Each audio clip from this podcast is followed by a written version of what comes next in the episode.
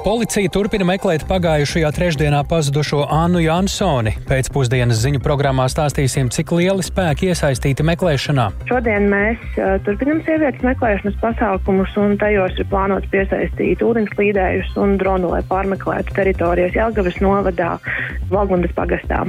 Beidzot jāsāk veidot izaugsmes budžetu, turklāt jau domājot par aiznākamo gadu, tā sarunās ar valdību norāda sociālajie partneri. Francijā pirmo reizi sāk tiesāt amatā vēl esošu ministru, un gaidot Lāčplēša dienu pie kara muzeja iedegts neatkarības kara piemiņas ugunskurs. Par to visu plašāk redzējumā pēcpusdiena kopā ar mani Tāli Eipuru.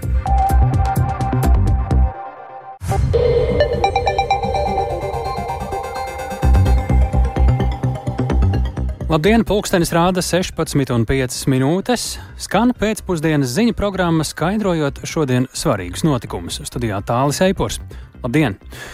Un sākam ar jaunāko informāciju par stāstu, kam seko līdz visa valsts. Arī šodien turpinās pazudušās Annas Jansonas meklēšana. Tā notiek Jelgavas novada Valgundas pagastā, jo tur atrada sievietes pamesto nomas auto un tajā mirušu šogad dzimušo Annas Jansonas meitiņu Luīzi. Par jaunāko šīs ģimenes traģēdijā Zānes Eniņas ierakstā. Kaut gan meklēšana Jelgavas novada Valgundas pagastā turpinājās visu nedēļas nogali, un tajā iesaistīti plaši spēki - gan valsts policija, gan zemesardze, gan organizācijas bez vēsts LV un K9 SOS, kā arī sievietes tuvinieki, Anna Jansona vēl ar vienu nav atrasta. Par to, kā meklēšanu paredzēts paplašināt, stāsta valsts policijas pārstāve Simona Grāvīte. Šodien mēs uh, turpinam sievietes meklēšanas pasākumus, un tajos ir plānots piesaistīt ūdenslīdējus un dronu, lai pārmeklētu teritorijas Jelgavas novadā, Valgundas pagastā.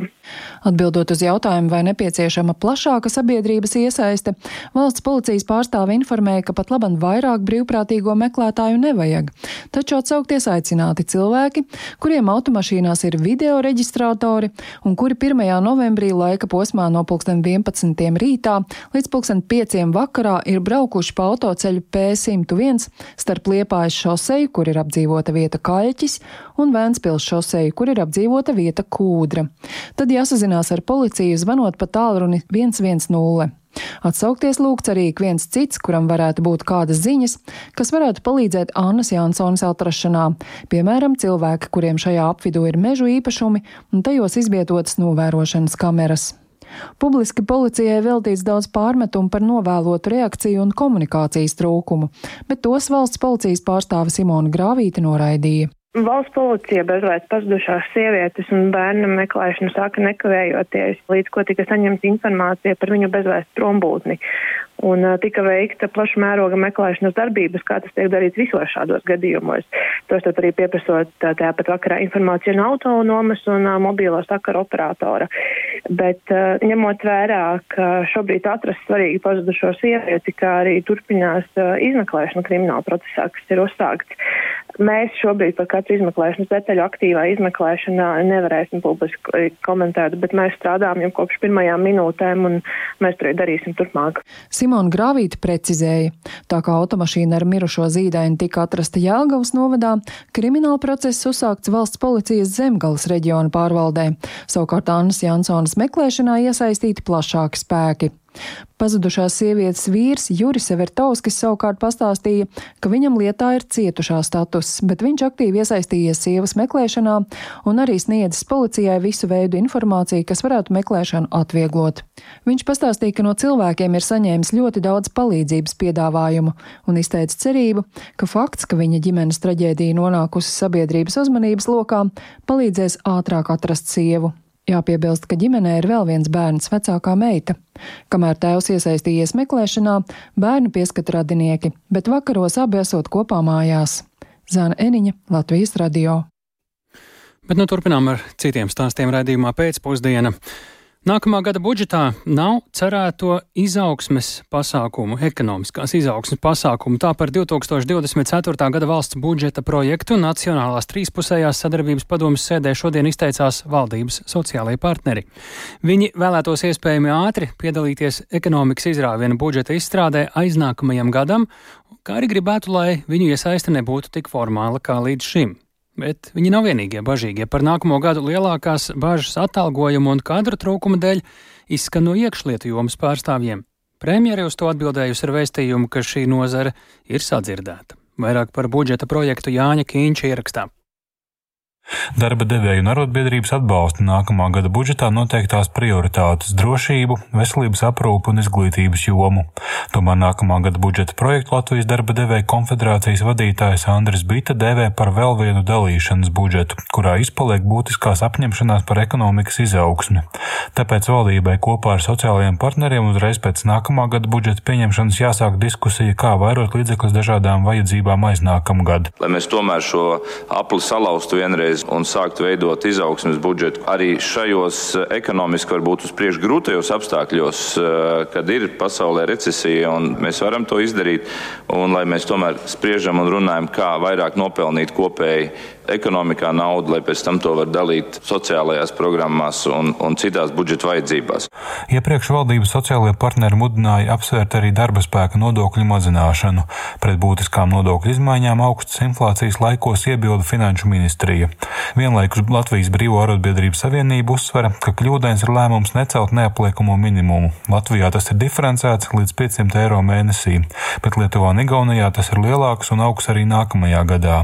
Arotbiedrības Savienība iepriekš rosināja neapliekumu minimumu Latvijā celt līdz 700 eiro. Tas noteikti jāparedz aiznākamgad, uzsvēra Latvijas Brīvo arotbiedrības savienības vadītājs Egils Baldzēns. Šis neapliekamais minimums ir būtiski jāceļ ne tikai minimālajai algai, bet arī nopietni vidējai darba samaksai. Vidējā darba samaksa ir ar krietni augstāku nodokļu slogu nekā Lietuvā un Igaunijā. Nākamgad galvenā budžeta prioritāte ir iekšējā un ārējā drošība, taču iekšlietu jomā aizvien jūtamāks ir kadru trūkums, pamatā zemā atalgojuma dēļ, uzsver Latvijas iekšlietu darbinieku arotbiedrības vadītājs Armāns Augustāns. Ugunsdzēsības un glābšanas dienestā zemāko algu pieaugums šogad bijis vidēji vien ap 30 eiro uz rokas, un līdzīgs pieaugums sagaidāms arī nākamgad. Valsts policijā nākamgad ap 200 darbinieku sasniegs izdienas pensijas vecumu, un policija ar piemaksām cer viņus motivēt palikt dienestā gadā. Turpina arotbiedrības vadītājs Armāns Augustāns un iekšlietu ministrs Rihards Kozlovskis no jaunās vienotības. Jo šobrīd mums ir liels nekomplekts iekšlietu sistēmā, un šis nekomplekts, es domāju, mums palielināsies nākošajā gadā. Un tā situācija ir ļoti nopietna, un tāpēc šeit ir jāsāk domāt, kas viņi to darīs par šo iekšējo drošību sniegs pakalpojumu. Kadetiem ir līdz trīs reizes mazāka atlīdzība nekā aizsardzības sektorā. Tad runāt par kadru piesaisti ir diezgan, nu, teikšu tā, nenopietni. Šīs bažas sadzirdējuši gan finanšu ministrs, gan premjera Evika Siliņa no jaunās vienotības. Viņi piebilst, ka nākamā gada budžetā gan ir rezervēti papildu 10 miljonu eiro virsstundu apmaksai valsts robežsardzes un citu dienestu darbiniekiem. Mēs esam hibrīda karā, mēs esam reālā situācijā, kur katru dienu robežsargi, mūsu policija, arī zemesarga aizsardzības spēki tāpat palīdz robežu apsargāt. Nu, man jāsaka, viņi dara šo darbu ļoti labi. Ko es varu teikt, ka mums noteikti nākamā gada budžetā būs jādomā par vēl papildus atalgojumu, jo tas solījums par iekšlietu nozari un uh, drošību kopumā mums ir. Zinu to konkurenci starp šīm abām nozarēm. Darbu ar nākamā gada valsts budžetu saimā sāk šajā nedēļā. Jānis Kincis, Latvijas radio. Tikmēr dažam ministram Francijā pavisam citas rūpes. Francijā sāksies vēl neredzēta tiesas prāva pret tieslietu ministru. Eriks Dipons Moreti tiek vainots interešu konfliktā. Apsūdzība uzskata, ka viņš ir ļaunprātīgi izmantojis savu amatu, lai mēģinātu izrēķināties ar saviem oponentiem tiesnešu un prokuroru vidū. Par nebijušu šo lietu padara tas, ka pēc apsūdzību celšanas Francijas tieslietu ministrs atteicās atkāpties no amata. Plašāk par šo ir gatavs pastāstīt mūsu korespondents Briselē Arčuns Konohovs. Ar viņu šobrīd esam arī tiešraidē sazinājušies. Labdien, Arčum! Lūdzu, Izstāstiet plašāk, kas eh, pašreizējais Francijas tieslietu ministrs īsti ir par cilvēku un par ko tad viņa apsūdz. Labdien, tālu, labdien, klausītāji! Tik tiešām šis ir ļoti interesants un neparasts stāsts, un šī prāva ir sākusies pirms eh, aptuveni eh, divām stundām Parīzē, un sagaidāms, ka viņi turpināsies kādu laiku, tā kā noteikti būs vēl daudz interesantu detaļu, bet eh, tiešām Eriks Dipons Moretti ir visnotaļ neparasta un spilgta persona. Viņš nav tāds karjeras politiķis, bet gan cilvēks, kas par tieslietu ministru ir kļuvis pēc tam, kad ir bijis viens ļoti spēcīgs spilgts un pazīstams advokāts. Un viņš pat savas karjeras laikā ir guvis tādu kā iesauku, ka viņš ir attaisnotais. Proti, viņš ir panācis vienu no lielākajiem cilvēku skaitu, ka viņi tiek attaisnoti. Viņam tiešām tas izdodas krimināla lietās, un pēdējos gados viņš bija ķēries arī klāt diezgan tādām politiski jūtīgām lietām, un šo procesu laikā ir arī sastapies ar kritiku, vai teiksim, viņa attiecības ir kļuvušas ļoti sarežģītas ar atsevišķiem tiesnešiem un arī, protams, ar prokuroriem, bet nu visvairāk ar tiesnešiem.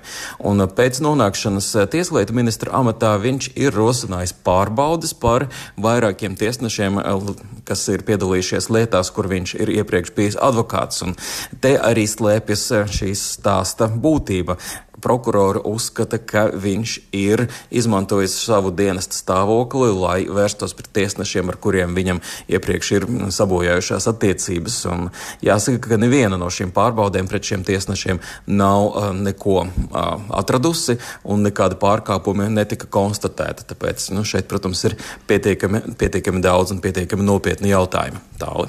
Jā, Arķom, nu, te svarīgi skatīties, kā uz to arī reaģēja Francijā sabiedrība, un jo īpaši jau tieši pati tieslietu sistēma. Es domāju, uz ko reaģē uz to, ka ministrs joprojām ir amatā un nevēlas atkāpties. Jo es sapratu pareizi, ka šobrīd nav, viņš ir pirmais faktiski ministrs Francijā, kas esot amatā mūsdienu, protams, vēsturē eh, tiek tiesāts. Vai tiek apsūdzēts? Tieši tā, par, par bezprecedenta gadījumu to padara tieši tas, ka viņš nevēlas atkāpties, ka viņš joprojām ir amatā. Francijā uh, valsts amatpersonas ik pa laikam nonāk uz apsūdzēto soli. Mēs zinām arī par bijušiem prezidentiem un, un tam līdzīgi. Tam pat ir sava īpašā tiesa izveidota, un uh, šo tiesu arī pietiekami kritizē, ka viņi varbūt nav tik barga pret amatpersonām, kā varētu būt. Jo, uh, ties, tiesā ir ne tikai tiesneši, bet arī deputāti, gan no augšpalātas, gan no apakšpalātas. Tāds kopīgs lēmums tiek pieņemts, um, bet uh, jebkurā gadījumā šāda tiesa pastāv un prāvas notiek. Bet parasti nerakstīts likums ir, ka ja pret kādu ministru tiek sākta izmeklēšana, tiek izvirzītas apsūdzības, tad šis cilvēks atkāpjas no amata un jau esot privātpersonai aizstāv sevi uh, šajā tiesā par visu, kas ir vai nav darīts. Bet šajā Šajā gadījumā ministrs atsakās un spiediens uz viņu um, tomēr atkāpt, atkāpties no amata ir ļoti, ļoti liels. Gan tieslietu sistēmas pārstāvi saka, ka tas uh, nav pareizi, ka, tas, uh, ka viņam vajadzētu atkāpties, ka tas tiešām padara šo situāciju vēl sarežģītāku. Gan arī, protams, uh, uh, no, no sabiedrības izskan šāda aicinājuma premjerministrei Elizabetei Bornē daudzreiz ir prasīts, vai tomēr ministram nevajadzētu atkāpties, ko viņa par šo domā domā. Viņa vienu brīdi ir atbildējusi, ka noteikumi ir skaidri, šādi liekot noprast, ka varbūt tomēr viņam vajadzētu atkāpties. Citu brīdi atkal ir teikusi, ka nu, tomēr varbūt arī ir labi, ka viņš ir palicis un var spēj organizēt savu aizstāvību. Tā kā par šo Francijā šobrīd tiek ļoti, ļoti aktīvi runāts, un tas ir pavisam neredzēts gadījums, kas varbūt arī zināmā mērā saskana ar šī ministra un arī iepriekš advokātu tādu diezgan spilgtu un pretrunīgu karjeru. Tāli. Liekas, it kā varbūt skandāls, bet ļoti svarīga lieta runājot par tiesiskumu un demokrātiju. Paldies Ārķimam Konohovam. Tātad Francijā ir sākusies vēl neredzēta tiesas prāva pret tieslietu ministru Eriku Diponu Moretī, bet vakar Ukrainā. Raķešu uzbrukumā nodarīti bojājumi Odesas mākslas muzejam un vairāk nekā 30 ēkām pilsētas daļā, kas atrodas UNESCO kultūras mantojuma sarakstā. Lai arī lielu daļu raķešu un bezpilota lidaparātu Ukrainas bruņotajiem spēkiem izdodas notriekt, gaisa spēkos norāda, ka Ukrainai vajag vairāk pretgaisa aizsardzības iekārtu. Par to šodien mums ir gatava stāstīt Latvijas radio korespondenta Ukrainā Indras Prāns, ar viņu arī esam sazinājušies tiešraidē. Sveiki, Indra, vai tu mūs dzirdi? Mēs zinām, ka eh, tikko, tikko vai nu bija, vai ir gaidāma, bet eh, ļoti klātesoša gaisa trauksmes klātbūtne. Labdien! Jā, gaisa trauksme sākās nedaudz pēc trījiem, šobrīd joprojām turpinās. Bet, jā, runājot par kārtējo uzbrukumu, tad tas notika vakar vakarā, kad Krievija kārtējo reizi uzbruka Ukrainas pilsētām ar vadāmajām aviācijas bumbām, raķetēm, 22 šahed bezpilota lidaparātiem.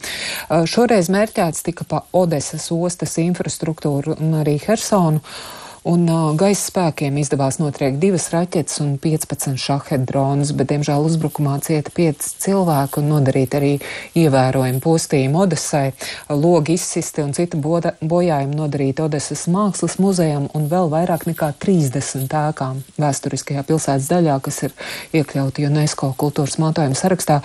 Bet um, uzbrukumi patiešām arī turpinās šodien pa dienu, tad pa dienu ir apšaudīts uh, Hersons apgabals, tur arī trīs trīs cietušie, un tāpat šobrīd visā Ukrainā turpinās gaisa trauksme. Zināms, ka gaisā pacēlušies Krievijas iznīcinātāji MIG, kas var nest um, šīs te hiperskaņas uh, ra raķetes Kinžālu, un saistībā ar to arī gaisa trauksme ir un turpinās arī Kīvā, bet citādi var teikt, ka ir diezgan mierīgi tāli.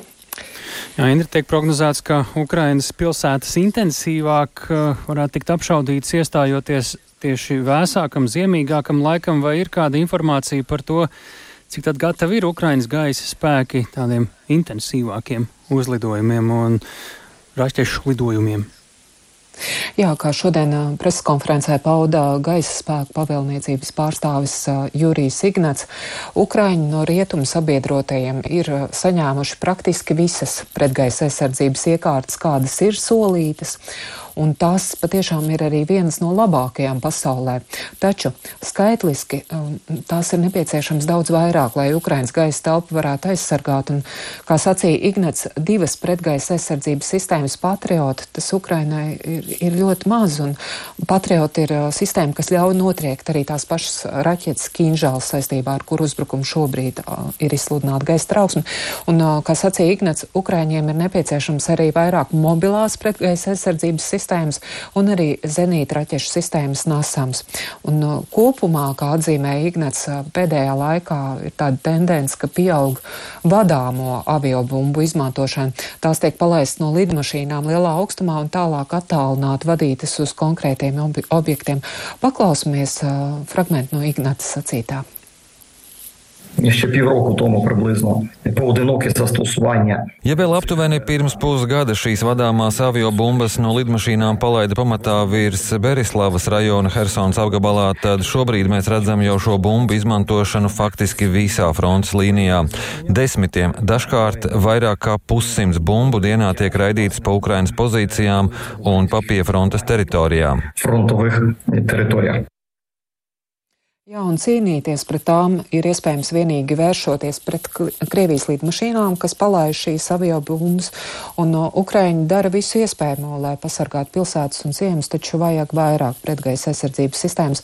Šobrīd tās nav pietiekošā skaitā, un problēma tiek risināta iesaistot arī mobilās pretgaisa aizsardzības vienības, kas var pārvietoties un sargāt noteiktus objektus. Paklausīsimies vēl vienu fragmentu no Ignetas sacītā.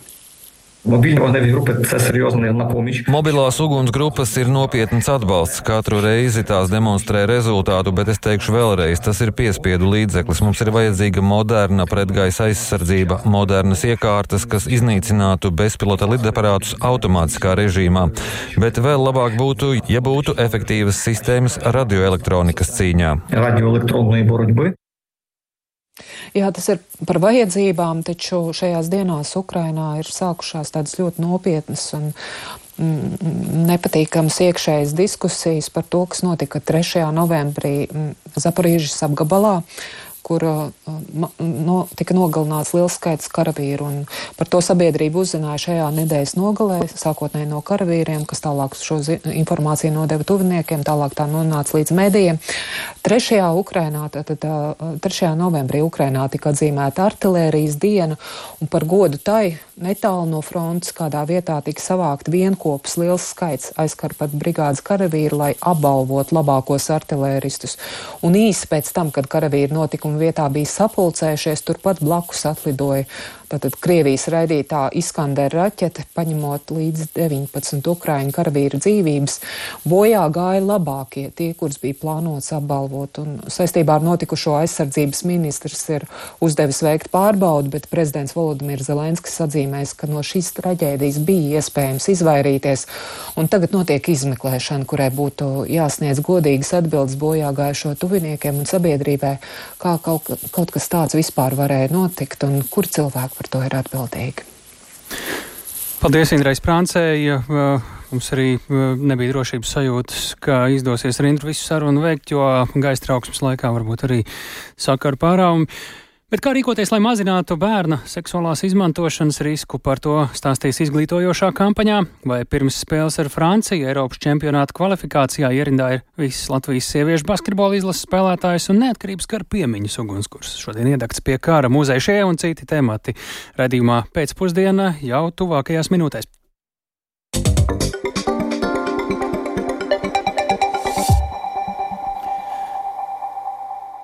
Pasažieri ar vilcienu uz Viļņu un Tartu varētu no Rīgas aizbraukt jau nākamgad. Tiesa, pārvadājumus plāno veikt Lietuviešu un Igauņu, nevis Latvijas dzelzceļa kompānija.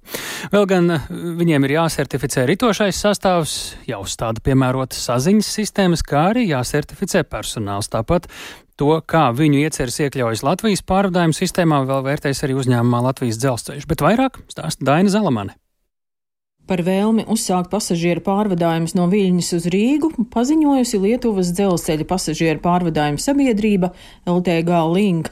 Arī Igaunijas valsts pasažieru vilcienu operators, kas strādā ar zīmolu Elron, paziņojis, ka nākamgad vēlas uzsākt pasažieru pārvadājumus maršrutā Tartu Rīga, stāsta satiksmes ministrijas pārstāvis Edgars Klētnieks. Tas ir labi, ka arī pirms Real Baltica mums ir šī savienojamība starp visām trim Baltijas galvaspilsētām. Par šo jau sarunas arī bijušas agrāk, bet katrā ziņā mēs esam atvērti šādai idejai. No ministrijas puses, protams, mēs pilnībā atbalstām atvērto tirgu un konkurenci dzelzceļa pārvadājumos Eiropā. Protams, no šādas Rīgas starto līnijas iegūmi būtu daudzi, gan latviešiem, igauniem, protams, arī daudziem citiem Eiropā, jo Kā mēs zinām, nākamgad Tartu būs Eiropas kultūras galvaspilsēta. Mēs atbalstām šādas iniciatīvas, un, protams, jautājums ir par izmaksām, par visām pārējām tām detaļām. Un es ceru, ka beigās arī pie kādas vienošanās mēs varēsim nonākt. Lai gan Lietuvas un Igaunijas pārstāvi pagājušajā nedēļā publiskoja plānu par pasažieru pārvadājumu uzsākšanu Latvijā jau nākamajā vasarā, valsts dzelzceļa administrācijas direktors Andulis Žitkovs stāsta, ka pagaidām nekādi oficiāli pieteikumi no Lietuvas un Igaunijas dzelzceļa pārstāvjiem vēl nav saņemti. Pirms pārvadājuma uzsākšanas viņiem jāsaņem Eiropas dzelzceļa aģentūras vienotais drošības certifikāts, savukārt Latvijas valsts dzelzceļa administrācija vērtēs, kā šie pārvadājumi ietekmēs esošo pārvadājumu sistēmu Latvijā. Ir pelnošākie reisi, kas pārsvarā ir no rīta un vakarā, kad cilvēki dodas uz darbu un atpakaļ, kur ir rentabli, kur arī veidojas pārvadātājiem peļņa. Savukārt lielākā daļa reisu ir tādi, kur valstī nākas sekt zaudējumus, bet valsts nodrošina šo nu, pasažieru satiksmi. Piemēram, nedomāju, ka eh, no Valkas braucot līdz Rīgai var būt eh, rentabls, ja tur, piemēram, desmit pasažieri tikai iekāp iekšā. Loģiski, ka tie reisi ir nerentabli, bet lai eh, arī tur sabiedriskais transports būtu, tad attiecīgi valsts set zaudējumus, kas rodas pārvadātājiem, un savukārt pārvadātājs tad arī no tiem rentabliem reisiem, arī pats iekšēji daļai pārdala šo finansējumu uz, uz tiem nerentabliem reisiem. Mēs skatāmies uz visu teiksim, sistēmu kopā. Un cilvēkiem tas jāsaprot, ka, eh, lai visa sistēma būtu mazāk eh, no valsts finansējuma prasoša, ir jāierobežo iespēja darboties tajā pelnošajā daļā, jo pretējā gadījumā valstī nāksies vairāk maksāt. Bijušais satiksmes ministrs Tālis Linkaits no jaunās konservatīvās partijas stāsta, ka pirms Covid pandēmijas Latvija nodrošināja tikai atsevišķus vilcienu reisus uz Krieviju, Baltkrieviju un Ukrainu.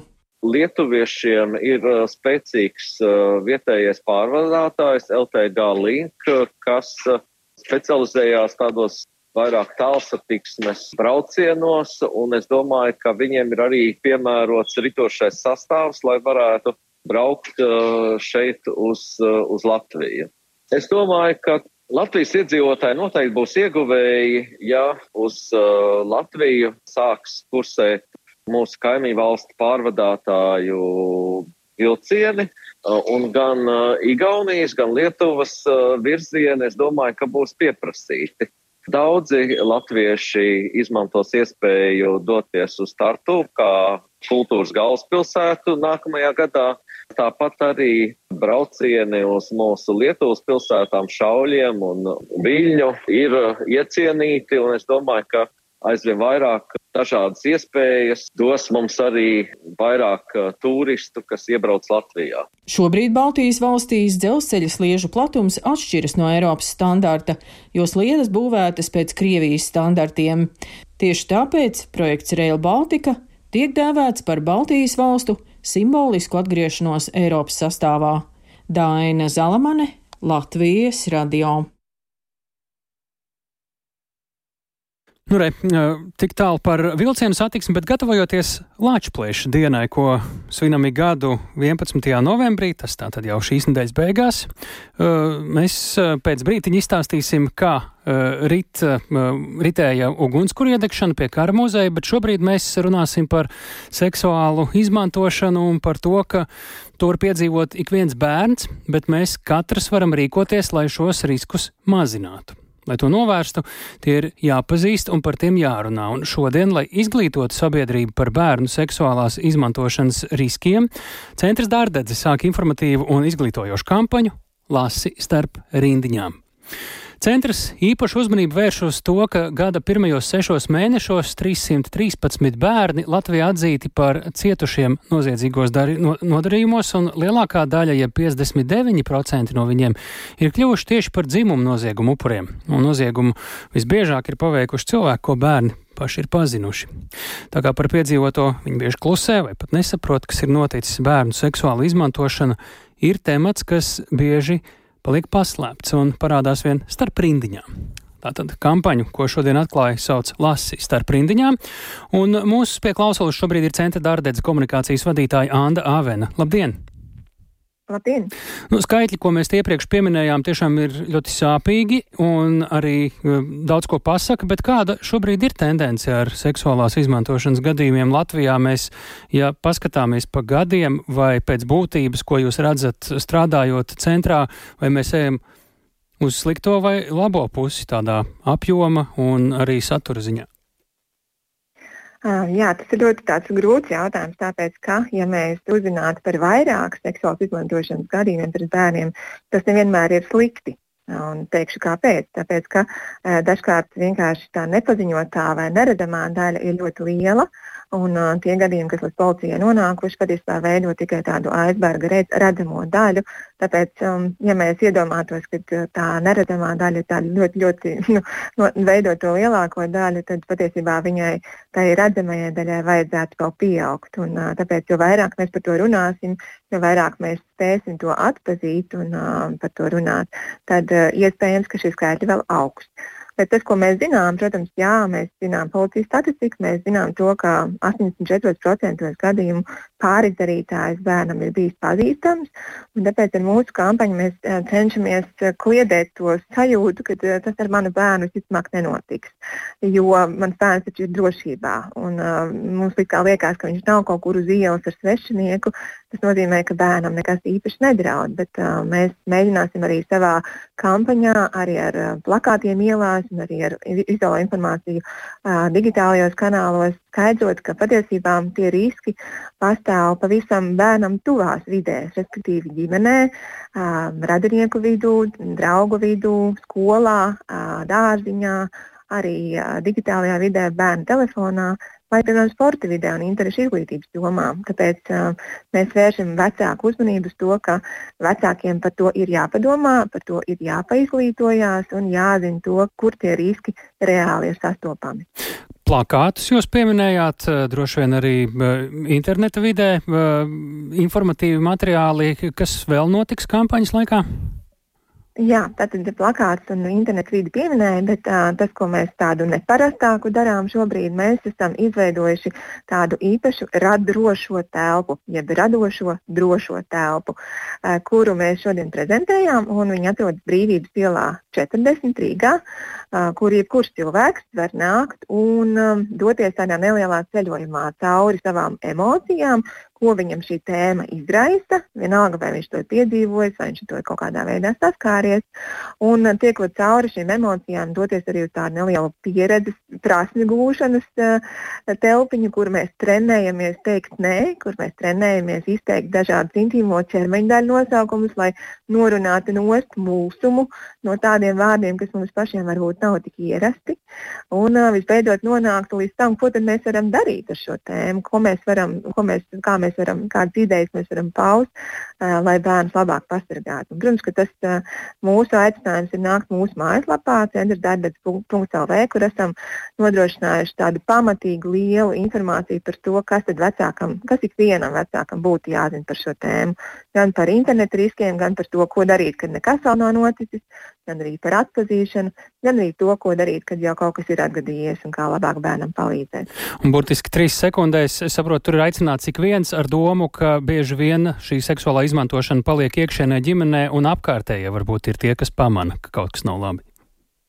Mēs aicinām jebkuru vecāku, un, protams, arī mākslinieku, rakstnieku vai jebkuru citu radošo personību izpausties šeit, mm -hmm. lai mēs tiekam cauri emocijām un nonākam pie darīšanas, pie tā, ka problēmu mēs esam apzinājušies un no, no šausmināšanās nonākam pie tā, ko tad lai es tagad daru.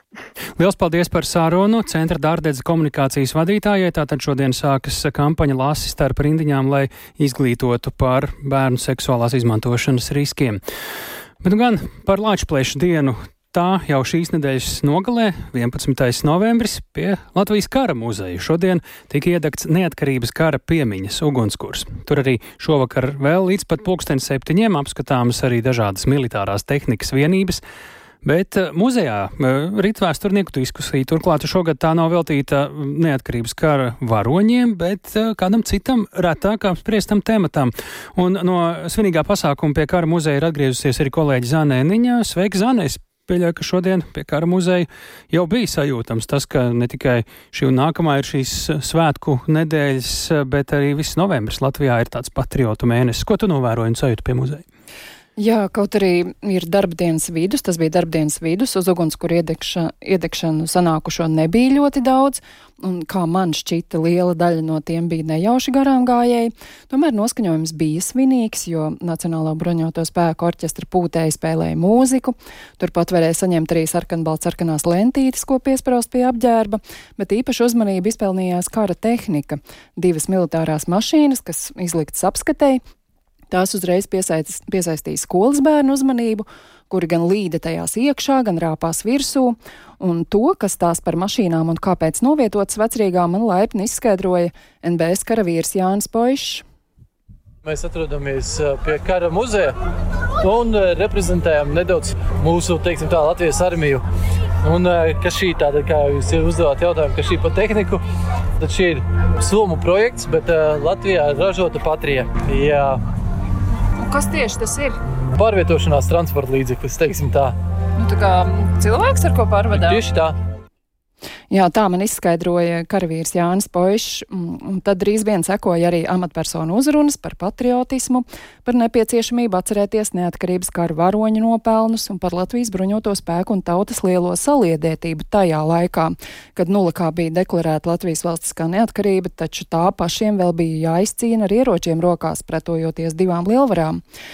Vai arī šodien var teikt, ka tauta un armija ir saliedēta? Šo jautājumu uzdeva Nacionālo bruņoto spēku komandierim ģenerālleitnantam Leonīdam Kalniņam. Mēs to pilnībā izjūtam. Jo, ja nebūtu sabiedrības un tautas atbalsta, tad bruņotajos spēkos nebūtu karavīru un zemesardzē, nebūtu zemesargu. Mēs esam tie, kas no tautas saņemam labākos Latvijas pilsoņus mūsu drošības sardzē. Un katru dienu mēs jūtam šo atbalstu no sabiedrības. Nacionālo bruņoto spēku komandieris Leonīts Kalniņš izteicās, ka atbalsts sabiedrībā nesot mazinājusi arī valsts aizsardzības dienas ieviešanu, bet par neatkarības kara piemiņas nedēļas pasākumiem turpinot, kara muzejā jau šo pēcpusdienu noris jauniešiem paredzēts radošās darbnīcas, kā arī vēsturnieku, vēsturnieku pārspriedums. Kā jau tu ievadā minēji, šogad temats ir nedaudz atšķirīgs parasti uz neatkarības kara Bermontiādas notikumiem lūkojas caur militāro prizmu, bet šoreiz izlemts, ka jārunā par to, kā kara laikā turpinājās vienkāršo rīdzinieku, rīdzinieku dzīve. Um, par kuru esot daudz mazāk liecību nekā par karavīru varoņdarbiem vai viņu biogrāfijām, un īsu ieskatu tajos laikos sniedz Latvijas kara muzeja izglītojošā darba nodaļas vadītājs Mārtiņš Mitenbergs. Rīgā ir milzīgas pārtikas problēmas. Un varbūt daudz saprot, ka nu, karš tas ir loģiski, ka ir problēmas ar pārtiku, bet otra ļoti liela nozīmīga problēma tas ir tīfs, izsituma tīfs, kas ir ārkārtīgi lielos apmēros. Šeit darbojošais eh, sarkanais krusts no Amerikas, viņi pat sit ļoti lielu trauksmi, jo sevišķi liela problēma tās bija patversmes, cietums un tā tālāk, kur Nu, šī infekcija ļoti strauji izplatījās, un sarkanā krusta pārstāvji vēršas pie Ulmaņa un lūdz māciet savai tautai tīrību. Jā, te kā ar muzeja pārstāvi Mārtiņu Vitsenbergu teiktais atgādināja Covid pandēmijas sākumu. Un te viņš ieskicēja tikai dažas no grūtībām, ar kurām rīdziniekiem nācās sastapties neatkarības kara laikā pirms 104 gadiem, un par kurām vēsturnieki šo pēcpusdienu spriež diskusijā, kas notiek par godu šonadēļ gaidāmajai Lāčplēša dienai, un ir viens no patriotu mēneša pasākumiem. Tāli. Paldies, Zanai Eniņai. Tātad eh, šodien, gatavojoties Lāčplēša dienai, iedegts eh, neatkarības kara piemiņas ugunskurs. Bet eh, ejot tālāk, Par cita veida cīņu un cīņu par uzvaru. Latvijas sieviešu basketbola izlase sākusi gatavoties Eiropas čempionāta kvalifikācijas turnīra spēlē pret vienu no labākajām komandām Eiropā pret Franciju. Un salīdzinot ar vēl šovasar aizvadīto Eiropas čempionāta fināla turnīru, Latvijas sieviešu izlasē ir jauns galvenais treneris, bet eh, kas tad šobrīd ir aktuālākais izlasē, eh, to ir gatavs izstāstīt kolēģis Mārs Bergs. Sveiks, Māri! Ko sakam ar, ar ko ir jāsāk pirms šādiem turnīriem? Ar sastāvu, viss spēlētājs vesels, gatavs palīdzēt komandai? Sveiks, tālu sveicināti klausītāji. Latvijas izlase būs savā gandrīz labākajā sastāvā, bet zināms, ka komandai nevarēs palīdzēt kata vilka. Viņa iedzīvojusies potītas traumā, un līdz ar to viņi, protams, nespēlēs. Visādi citādi no izsauktajām spēlētājām visas gatavojas ceturtdienas spēlē. Šodien jau Latvijas izlasē bija viens treniņš, vēlāk vakar pusē būs arī otrs, un līdz ar katas vilkas izkrišanu būtībā ir 13 spēlētājas, kuras kandidē uz 12 vietām, lai dotos uz spēli pret Franciju. Tālāk Really. Nu, Latvijas izlases galvenā treneru amatā tagad ir atgriezies Mārtiņš Gulbis. Viņš nomaina Gundaru Vētru. Nu, Gulbim tas pirmais pieejams ar izlasi, to nevar saukt par eh, ļoti veiksmīgu. Kādas tad šobrīd viņš jaunas vēsmas ienes? Pareizi saki, Mārtiņam Gulbim pirmais pieejams ar sieviešu izlasi tiešām nebija pats veiksmīgākais, un izlase, kā atceramies, nekvalificējās Eiropas čempionāta fināla turnīram. Taču viņš pats uzsver, ka no savām pieļautajām kļūdām ir mācījies, un jāsaka, ka Gulbis ir arī iekrājis pieredzi sieviešu basketbolā gan savā pirmajā mēģinājumā ar Latvijas izlasi, gan arī tagad viņam strādājot ar TTT Rīga komandu. Viņš pats saka, ka ir analizējis, kas tad nogāja greizi. Nu, tagad viņš kopā ar visu komandu to centīsies pierādīt laukumā tāli. Nu, jebkurā gadījumā spēle pret Franciju tur Latvija nav lielais favorīts, eh, kā tad notiek gatavošanās? Jā, Latvija pret Franciju pilnīgi noteikti nebūs eh, favorītu statusā īpaši spēlējot pretinieču laukumā, taču Latvija tradicionāli spēlējusi labi pret spēcīgām komandām gan basketbolā, gan arī citos sporta veidos, un eh, kā norāda Gulbis, tad laiks sagatavoties ir tik tiešām ierobežots, bet tā tas ir arī francūzietēm, un Latvijas izlase, protams, gatavojas ar domu, lai ietu laukumā un cīnītos par uzvaru. Klausāmies Mārtiņu Gulbi. Nu, es domāju, ka kopumā mums ir jāiet ar kaut kādu nedaudz savādāku pieeja lietām, ka mums ir viena spēle, mēs uz to koncentrējamies, un par pārējām lietām mēs nedomājam. Mēs braucam uzvarēt, nevis spēlēt, un tā ir mūsu ideoloģija un tā ir lieta, ko mēs gribam panākt. Mums jebkura spēle ir svarīga, un mēs gatavamies ar vienādu nopietnību jebkurai basketbola spēlē. Arī viena no valsts vienības ilgadējām līderēm Anita Steinberga norāda, ka no pretiniecēm nevajag baidīties, un vienā spēlē nav neuzvaramu pretinieču. Klausāmies basketbolisti Anita Steinbergu. Es uzskatu, ka jebkura komanda ir uzvarama, jebkura vienas spēles ietvaros, jebkura komanda ir uzvarama. Jā, viņas ir talantīga izlase, ja viņām izkrīt kāda, viņām ir 50 citas spēlētājas, no kurām izvēlēties. Bet šī ir viena spēle. Es uzskatu, mēs esam tikpat mērķiecīgas, ne mazāk mērķiecīgas kā viņas. Mums ir jauna komanda, bet es uzskatu, ka visi spēlētāji savu labu pierāda gan Eiropasos, gan Eirolīgās. Tas ir redzams arī ar TTT Rīgā. Tā Anita Steinberga, jā, Māri, un uh, mēs uh, tad saliekam visu pa plauktiņiem, kas tad ir jāizdara, lai Latvijas sieviešu basketbola izlase kvalificētos nākamajam Eiropas čempionāta fināla turnīram. Kad tas turnīrs atgādina arī? 2025. gada vasarā. Tajā gadā notiks abi fināla turnīri gan vīriešiem, gan sievietēm, un tātad par šo fināla turnīru runājot, to rīkos četras valstis - Itālija, Čehija, Vācija un Grieķija. Tās visas ir automātiski kvalificējušās, taču un tās arī startēs kvalifikācijā, taču spēlējot vienā grupā. Tas nozīmē, ka šīs valstis būtībā spēlēs savā starpā un ārpus konkurences. Par vieru fināla turnīrā sacensties reāli sacensties 32 valstis, kas sadalītas astoņās grupās, pa četrām komandām katrā grupā, un fināla turnīram kvalificēsies visu grupu uzvarētājas, kā arī četras labākās otro vietu ieguvējas. Nu, tātad minimālā programma ir grupā iegūt otro vietu ar labu bilanci vēlams. Ideālā scenārijā, protams, uzvarēt savā apakšgrupā. Kvalifikācija turpināsies, vai pareizāk sakot, noslēgsies 2025. gada februārī Latvijas grupā bez Francijas, vēl arī Izraela un Īrija. Līdz ar to izcīnīt otro vietu, protams, kā minimums ir pietiekami labas izredzes. Paldies Mārim Bergam! Šīs bija ziņu raidījums pēcpusdiena. To veidoja Lauris Vēnieks, Tāls Eipurs, Ulds Grīmbergs, Mārtiņš Paeglis.